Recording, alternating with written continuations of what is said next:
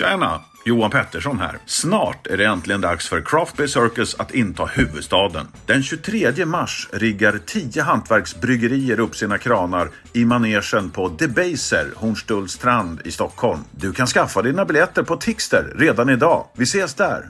Tjena! Ölvärldens. Julkalender! Då var det dags för lucka nummer 11, Mikael. Och jag tänkte säga att vi har kommit halvvägs, men det har vi inte riktigt. Vi kör ju 24 luckor, så det är 12 luckor nästa. Nästa blir halvvägs, ja precis. Mm. Ja, så bra var jag på att räkna. Och idag har turen kommit till Halmstad brygghus och eh, där vet vi ju att det är alltid hög kvalitet på ölen. Det måste jag säga. Daniel vet hur man ska göra, framförallt klassisk ölstil. Så jag, jag ser mycket fram emot att prova denna slottets julöl, Mikael. Känner du detsamma? Ja, men verkligen. Eh, det tycker jag. Eh, jag tycker att också att, ja men du har ju kanske fått mig att upptäcka Halmstad. Jag tror att jag har kanske förbisett dem lite grann innan. Eh, och är jätteglad mm. för det. Så det är ju, jag har ju än så länge faktiskt inte provat någonting utan det är som har varit dåligt. Utan jag har snarare blivit eh, förvånad. Eh, mm. Hur bra de har varit med tanke på hur mycket man hör från dem. Ja. Man ska ju nämna också att Daniel är ju faktiskt en av få faktiskt i Sverige bland mikrobryggarna som är utbildad bryggmästare som har det här gesällbrevet för att få kalla sig bryggmästare. Så att han gör bra öl, eh, det, det, vet jag. Och det står en julöl som i sin likhet med Halmstad slott bygger på både svenska och danska traditioner passar förträffligt både till det klassiska och det moderna julbordet. För smakens skull kan viss gästfällning förekomma. Serveras vid 10-12 grader. Nu öppnar vi upp den här 5,9% i ölen. Jag vet inte, Mikael, är det här en ale eller en lager? Jag har faktiskt inte en aning. Eh, ja, vi får väl se helt enkelt. Då. Ska vi gissa mm. oss till det lite grann medan vi provar? Det, det, ibland kan man ju faktiskt känna det ganska tydligt i smaken. Mm. En liten rödbrun färg skulle jag säga, eller lite kopparfärgad kanske snarare skulle jag säga lite rostfärgad. Um, otroligt mm. vacker, ja, men lite går ju åt rödskimrande hållet får jag väl ändå säga att det gör Otroligt också. klar också.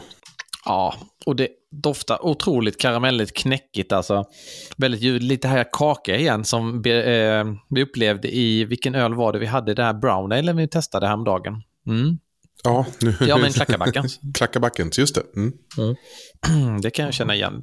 En väldigt tydlig eh, humledoft också. Mm. Jag skulle nog säga att det här är en ale då, eh, utifrån smakpreferenserna. Smaken har lite det här mer fruktiga hållet, måste jag säga. Jag har väldigt svårt att se att det här skulle vara en lager. Eh, utifrån mina, vad säger öldomare Mikael Lysén? Jag, eh, ja, alltså det, det var, den, den, var ganska fräsch i, i smaken, eh, doften. Jag tror nog att det är en ale, men det är nog inte omöjligt på en lager ändå. Alltså... Nej, vad spännande att vi sitter här och killgissar. För att jag känner de fruktigheterna som du känner, det kopplar jag med humle och inte med mm. eh, jäsningen faktiskt.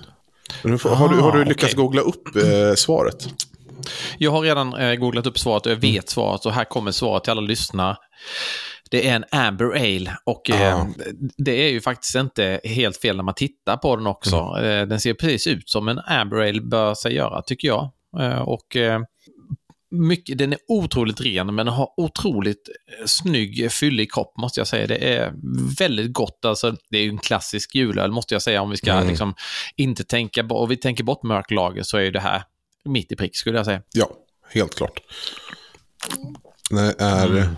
Men eh, ja, tack vare den här humle, att den är rik på humle så får du ju en fräschhet. Tillsammans med de här karamell och mörka känslorna. Liksom, som jag uppskattar. Och eh, den är inte överdrivet besk. Nej, jag skulle säga att den är nästan inte alls besk. Den är väldigt balanserad. Så för mig är ju det här liksom, jag blir ju glad av den här ölen.